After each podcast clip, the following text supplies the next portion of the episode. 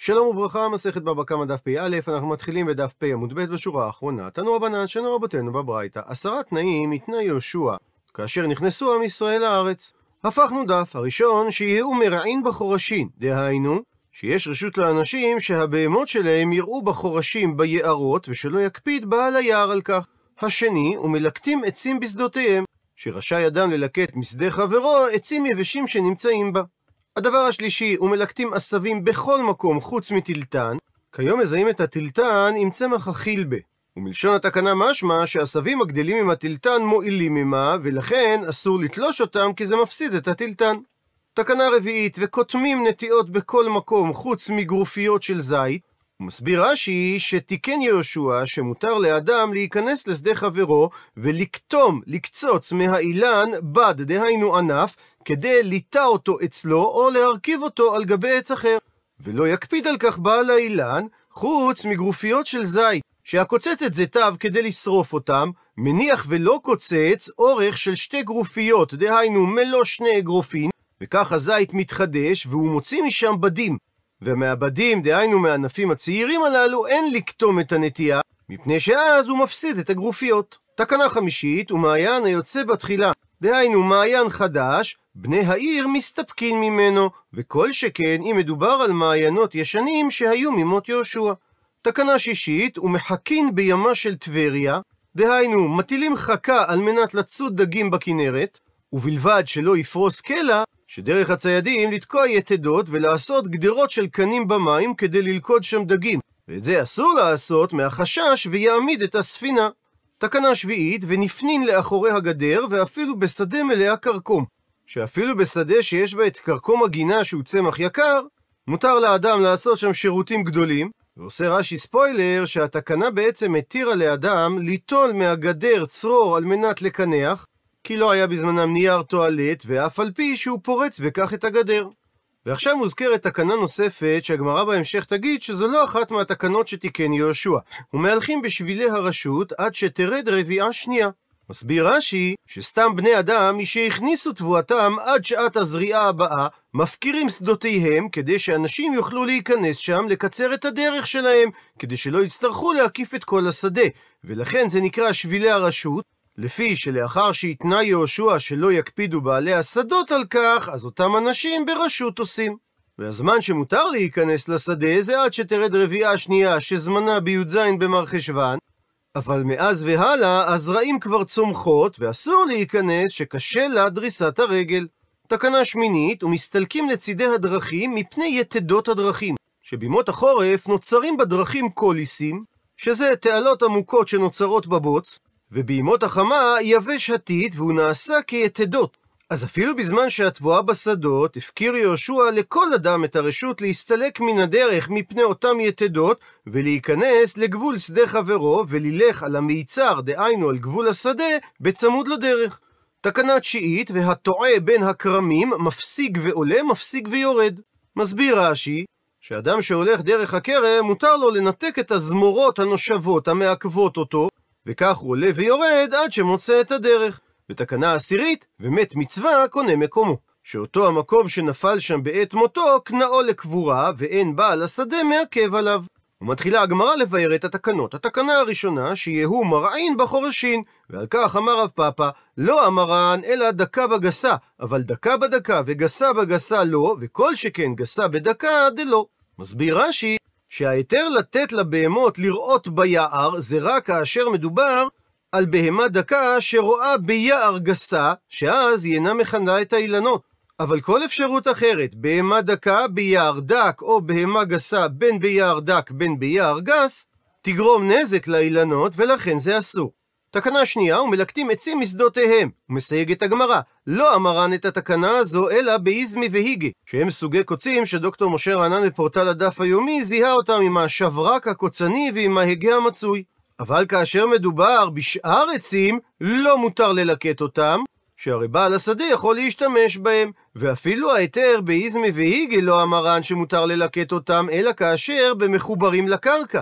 אבל כאשר מדובר בתלושין, אחרי שטרח עליהם בעל השדה ותלש אותם, לא מותר ללקט אותם, שהרי דעתו של בעל השדה עליהם מצד שני, ואפילו ההיתר ללקט את האיזמי והיגי במחוברים לקרקע, לא אמרן אלא בלח. אבל אם מדובר ביבשים, לא מותר ללקט אותם, כי דעת בעל השדה עליהם לצורך בעירה. וגם כאשר קיים היתר ליקוט, ובלבד שלא ישרש. כי ייתכן שנוח לבעל השדה מקום גידול הקוצים. תקנה שלישית, ומלקטים עשבים בכל מקום חוץ משדה טילטן. מדייקת הגמרא למימרא, זאת אומרת, דטילטן מעלו לה עשבים? שהעשבים הגדלים במקביל למועילים לה? ורמין היא. והרי יש על כך סתירה ממקור תנאי, שהמשנה במסכת כלאיים אומרת, טילטן שעלתה עם מיני עשבים, אין מחייבים אותו לעקור את העשבים ממנה משום כלאיים, לפי שבעל כורחו הוא עתיד ליטול משם את העשבים, כי זה מפסיד לו את הטילטן. מביאה על כך הגמרא שני תירוצים. תירוץ ראשון אמר רבי ירמיה, לא קשיא, אין סתירה בין שתי המקורות. כאן לזרע, כאן לזירין. כאן במשנה במסכת כלאיים מדובר שהטילטן עומד להיזרע, דהיינו שמגדלים את הטילטן עבור הזרעים שלו, כדי שאחר כך יהיה אפשר לזרוע אותם. וכאן בתקנה מדובר שזרעה את הטילטן כדי לאכול את הזירין, דהיינו את הגבעולים. ומבאר אבירמיה את דבריו, כאשר זורעים את הטילטן לזרע, קשו לעשבים דמכחי שלה. העשבים שגודלים יחד עם הטילטן מכחישים את כוחו, ולכן ברור שבעל הבית רוצה לעקור אותם. מה שאין כן כאשר זורעים את הטילטן לזירין, עבור הגבעולים, אז דווקא מעללה. טוב לבעל הבית שגדלים שם עשבים נוספים, מפני דחי קיימי ביני עשבים מרכבה. שעל ידי כך מתפשטת הטילטן וגדלה על העשבים, והם נעשים לה שמיכה, כאין דלת, דהיינו הדליה של כרם. איבאי תימה, אם תרצה תאמר תשובה שנייה לסתירה בין שני המקורות, שכאן במשנה מסכת כלאיים מדובר שהוא זרע את הטילטן לאדם, וכאן בתקנה מדובר שהוא זרע את הטילטן לבהמה, דכיוון דלבהמה הוא דזרעה, עשבים נמי מבעילה. אז בעל השדה מעוניין שיהיו עשבים שיגדלו עם הטילטן, כי זה מגוון את מאכל הבהמה. ושואלת על כך הגמרא, ומנייד אינן, מהיכן יכול האדם לדעת אם בעל השדה זרע את הטילטן לצורך אכילת אדם, שאז מותר לו ללקט מן העשבים, על פי התקנה שהתנה יהושע. עונה על כך, אמר רב פפא, אם זה בצורה של משארי משארי זה לאדם, ואם זה לא בצורה של משארי משארי זה לבהמה. אם שדה התלתן עשויה בערוגות, אז זה סימן שבעל השדה זרע את התלתן לצורך מאכל אדם, ואם זה בצורה של שדה רצוף ולא בצורה של ערוגות, סימן שהוא זרע את זה לצורך מאכל בהמה. וממשיכה הגמרא, תקנה רביעית, וקוטמים נטיעה בכל מקום חוץ מגרופיות של זית. ומרחיבה הגמרא את הנושא. פירשו רבי תנחום ורבי ברייס משום זקן אחד, ששיעור הגובה שצריך להניח בזית רגיל כאשר קוצצים אותו, הוא כביצה, מלמטה סמוך לגזע. וכאשר קוצצים בקנים ובגפנים, אז זה מן הפקק ולמעלה. הוא מסביר דוקטור משה רענן בפורטל הדף היומי, התחדשות של עץ שלם או חלקים ממנו, ענפים, עלים ופרחים, אפשרית אך ורק מתוך קבוצת תאים עובריים הנקראת ניצן צמיחה או פקע. שאר התאים בעץ אינם יכולים לייצר תאים חדשים, משום שהם תאים מתים או תאים שעברו התמיינות לסוג תאים מסוים, כמו למשל תאי שיפה, שזה חלק ממערכת הצינורות המובילה חומרים אורגניים מעלים לשורש, והם אינם יכולים לבצע נסיגה ולחזור להיות תאים עובריים המסוגלים להצמיח תאים חדשים. ניצני הצמיחה הם למעשה כעין ענפים התחלתיים או גבעולים מקוצרים הנושאים התחלות של עלים במצב רדום. מיקום ניצן ההתחדשות קובע את צורת הצמח, כאשר הניצן נמצא בזרע הצמח הוא חד-שנתי. בעצים הניצנים ממוקמים בקצה העליון של הענפים, ולכן העץ מתפתח לגובה. בשיחים הניצנים ממוקמים בצידי הענפים, ולכן הם מתפתחים לצדדים ולא לגובה. ושאר כל האילנות, כאשר האדם בא לקטום אותם, אז הוא קוטם מין עובו של אילן ולא מין חודו של אילן. הוא מסביר רש"י שאיבו של אילן זה מפריו, כלומר מהענפים הרכים והדקים, ולא מחודו, דהיינו מהענפים הגדולים והגסים, שהם כאילן גמור. פירוש אחר מביא רש"י, שחובו של אילן זה ממחבאותו, מהמקום שיש שם ענפים הרבה, דהיינו באמצע גובהו, ולא מחודו, דהיינו לא מלמעלה מהענף האמצעי, שהוא עליון ועיקר האילן. וכותב מין חדש שאינו עושה פירות, ולא מין ישן שהוא עושה פירות. מסביר רש"י מהחדש, מהבד, מהענף שגדל ונתווסף בשנה זו, שהוא עדיין אין עושה פרי. וכותב ממקום שאינו רואה את החמה, הפכנו דף ולא ממקום שהוא רואה את החמה. מסביר רש"י שלא יקטום ענפים מסביבות הצדדים מבחוץ, מפני ששם עיקר האילן, שהחמה מבשלת שם את הפרי וממתיקה אותו. וזה מה שנאמר בפרשת וזאת הברכה, וממגד, לשון מגדים, דברים מתוקים, תבואות שמש. שהשמש ממתיקה את הפירות. תקנה חמישית, ומעיין היוצא תחילה, בני העיר מסתפקים ממנו, ועל כך אמר רבא בר רב הונא, ונותן לו דמים, שמותר להשתמש במים, אבל צריך לשלם על כך לבעל הקרקע. ודוחה הגמרא ואומרת, ולית הלכת כבתי. אין הלכה כמותו, אלא מותר להסתפק מאותו מעיין בלי לשלם על כך. תקנה שישית, ומחקין לשון מטילים חכה בימה של טבריה, ובלבד שלא יפרוס כלב, על מנת שלא יקרה מצב שוויעמיד את הספינה. מדייקת הגמרא, אבל כן צד הוא ברשתות ובמכמרות. ומביאה על כך הגמרא תנו רבנן שנו רבותינו בתוספתא. בראשונה, לפני התנאי שהתנה יהושע, התנו השבטים זה עם זה, שלא יפרוס כליאה ויעמיד את הספינה. אבל כן צדו ברשתות ובמכמרות. ועוד מביאה הגמרא תנו רבנן שנו רבותינו בברייתא. ימה של טבריה בחלקו של שבט נפתלי הייתה, ולא עוד, אלא שנטל גם מלוא חבל חרם בדרומה, מסביר רש"י שמלוא שטח של חבל של מצודת דגים היה לו לשבט נפתלי בדרומה של הכנרת מן היבשה, כדי שהוא יוכל למשוך לשם את הרשת. וזה בא לקיים מה שנאמר בברכת משה לשבט נפתלי, נקרא בפנים, ולנפתלי אמר, נפתלי שבע רצון ומלא ברכת אדוני, ים ודרום ירשה. שהוא ירש גם את ים הכנרת, וגם את החוף הדרומי. תניא, שנינו בברייתא רבי שמעון בן אלעזר אומר, תלושין שבהרים בחזקת כל השבטים הם עומדים, שכל מי מהשבטים שירצה יכול ליטול מהעצים התלושים שהיו בארץ בשעה שנכנסו לארץ, שהרי הם מטלטלים ודינם כשאר השלל והמלכוח. אבל עצים ומחוברים לקרקע שהיו בשעה שנכנסו ישראל לארץ, בחזקת אותו השבט שקיבל את הקרקע לנחלה. ואין לך כל שבט ושבט מישראל, שאין לו בנחלה שהוא קיבל, בהר ובשפלה ובנגב ובעמק. ואין הכוונה בשמות הללו למיקומים גיאוגרפיים, אלא לסוגי קרקעות, שנאמר, נקרא בפנים, פנו שאו לכם ובואו הר האמורי ואל כל שכניו, בערבה, בהר ובשפלה ובנגב ובחוף הים, ארץ הכנעני והלבנון עד הנהר הגדול, נהר פירת. וכן אתה מוצא שכל סוגי הקרקעות נמצאים גם בכנעניים ובפריזים, ובאמוריים, שנאמר ואל כל שכניו. עלמא, תאמר ותסיק מכך, שכניו הכי אהבו. שכל סוגי הקרקעות, ערבה, הר, שפלה, נגב וחוף הים, נמצאים בכל המקומות שבהם היו העמים שישבו בארץ ישראל. וכאשר ישראל ירשו אותם, אז היה לכל שבט מישראל את כל סוגי הקרקעות, הר ושפלה ונגב ועמק. הוא מסביר רש"י שהמילה נגב, משמעותה שכל שעה היא נגובה, שאין שם צל אילנות והחמה זורחת, ומנגבת אותה מכל מים. וממשיכה הגמרא, התקנה השביעית, ונפנים לאחורי הגדר, ואפילו בשדה שהיא מלאה כרכום. ועל כך אמר רב אחא בר יעקב, לא נצרכה התקנה הזו, אלא כדי לומר שמותר ליטול ממנו מהגדר של השדה צרור של עבדים כנייר טואלט. ועל כך אמר רב חיסדא, ואפילו בשבת זה מותר. מפני שהאבנים בשדה לא מחוברות ביתית זו לזו. ומספרת הגמרא שמר זוטרא חסידה היה צריך להתפנות ביום השבת, שקיל לקח צרור אבן מהגדר של השדה, ולאחר שהוא קינח בו ומהדר החזיר אותה לשדה, ואמר ללשמעי, ואמר לשמש שלו ביום חול, זיל שירקי. תחהו את אותו צרור אבנים ביתית וחברהו יפה חזרה לגדר. וביחס לתקנה הנוספת שהוזכרה, ומהלכים בשבילי הרשות עד שתרד רבייה שנייה, אמר רב פאפא, והי דן, תקנה זו ביחס לקרקע שלנו בבבל, היא אפילו כאשר ירד טל, מפני שכאשר ירד טל בלילה, קשי לה. קשה לקרקע דריסת הרגל ממחרת. התקנה השמינית, ומסלקין לצידי הדרכים מפני יתדות הדרכים. ומספרת הגמרא, שמואל ורב יהודה אהבו שקלה ואזלה באורחה, היו הולכים בדרך, והווה מסתלק שמואל לצידי הדרכים. אמר לו רב יהודה, האם התנאים שהתנה יהושע הם אפילו בבבל? אמר לו, ענה לו שמואל, שאני אומר שהתנאים שהתנה יהושע הם אפילו בחוץ לארץ.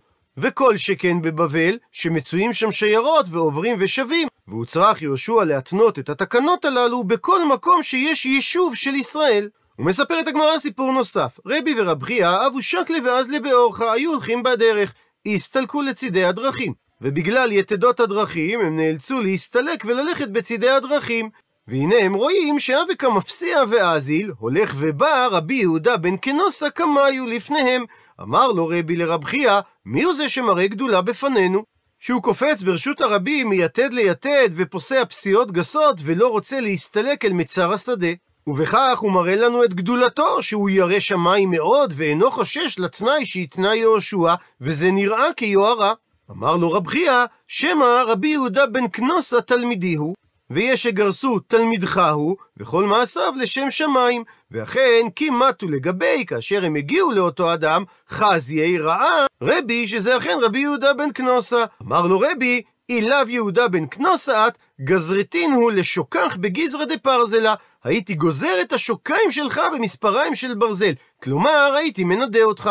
וממשיכה הגמרא, לתקנה התשיעית. הטועה בין הכרמים, מפסיק ויורד, מפסיק ועולה. ועל כך מביאה הגמרא תנו רבנן.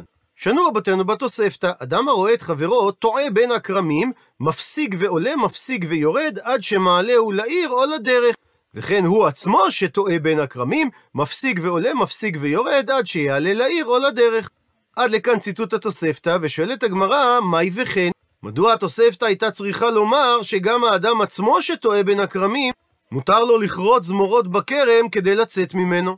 מבארת הגמרא, מהו דתימה? מה היית חושב לומר לולא חזרה התוספתא על הדין השני, שרק במקרה שחברו טועה בכרם, אז הוא דידע להיכא מיסלק, דנפסוק. היות שהוא יודע את הדרך הנכונה, אז מותר לו לכרות את הזמורות כדי להדריך את חברו לצאת מהכרם. אבל במקרה שהוא עצמו איבד את דרכו בכרם דלא ידע להיכא כסליק, כך שהוא לא יודע להיכן ללכת, לא נפסוק. יהיה אסור לו לכרות את זמורות הכרם, אלא נהדרי ניהדר בי מצרי.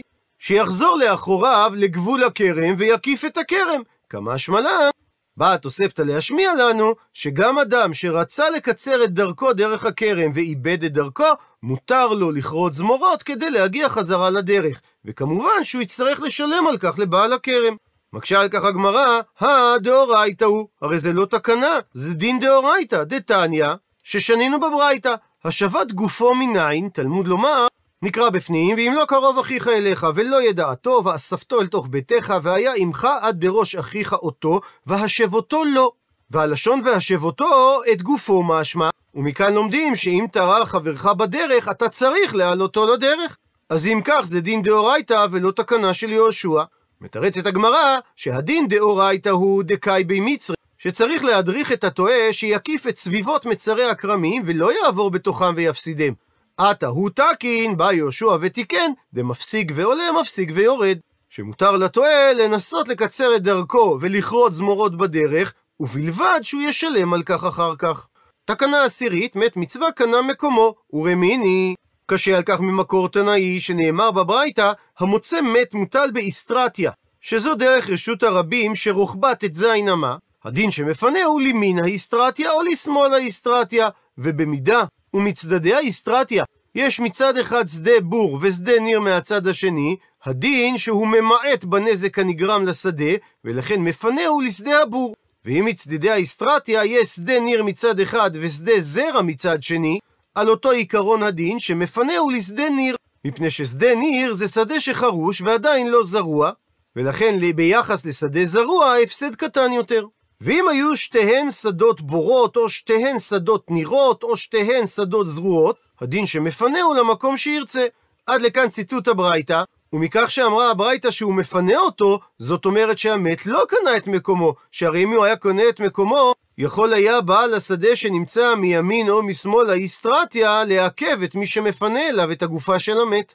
ענה על כך, אמר רב ביבי, שהתקנה דיברה במוטל המת על המיצר, מסביר רש"י שהוא מוטל ברוחב הדרך, ולכן לא ניתן להשאיר אותו שם, כי אם יעברו שם עושה טהרות, הם יעילו עליו ויטמאו הטהרות. אז מתוך שניתן לפנותו, מפנהו לכל מקום שירצה. ומקשה הגמרא, אמרי, עשרה הני, חד שרי הוויין. הרי יש שם 11 תקנות ולא 10 תקנות. מתרצת הגמרא שאת התקנה מהלכין בשבילי הרשות שלמה המלך אמרה, כדתניא, כפי ששנינו בברייתא. הרי שכלו פירותיו מן השדה, ואינו מניח בני אדם להיכנס בתוך שדהו, אז מה הבריות אומרות עליו? מה נאה יש לפלוני? ומה הבריות מזיקות לו כאשר הן עוברות בשדה הנטוש? עליו הכתוב אומר, מהיות טוב אל תקרה רע. עד לכאן ציטוט הברייתא, ושואלת הגמרא על הברייתא, ומי כתיב? האם יש פסוק כזה, מהיות טוב אל תקרה רע? מתרצת הגמרא, אין כתיב כי היי גבנה.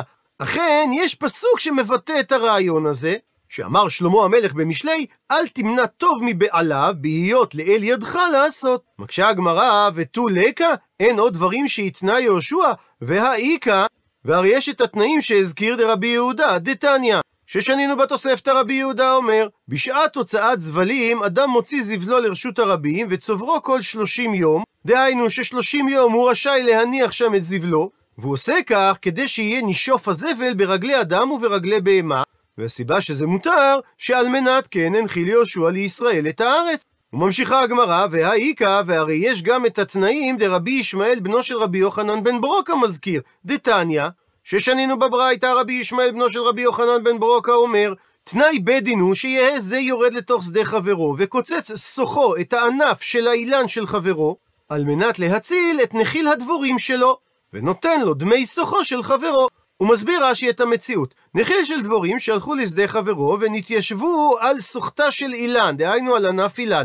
אם הוא ייטול אחד-אחד, הן פורחות ועובדות ממנו, מאחר שנתנו עיניהם באותה סוחה. לפיכך קוצצה, ונותן לבעל האילן תשלום על כך.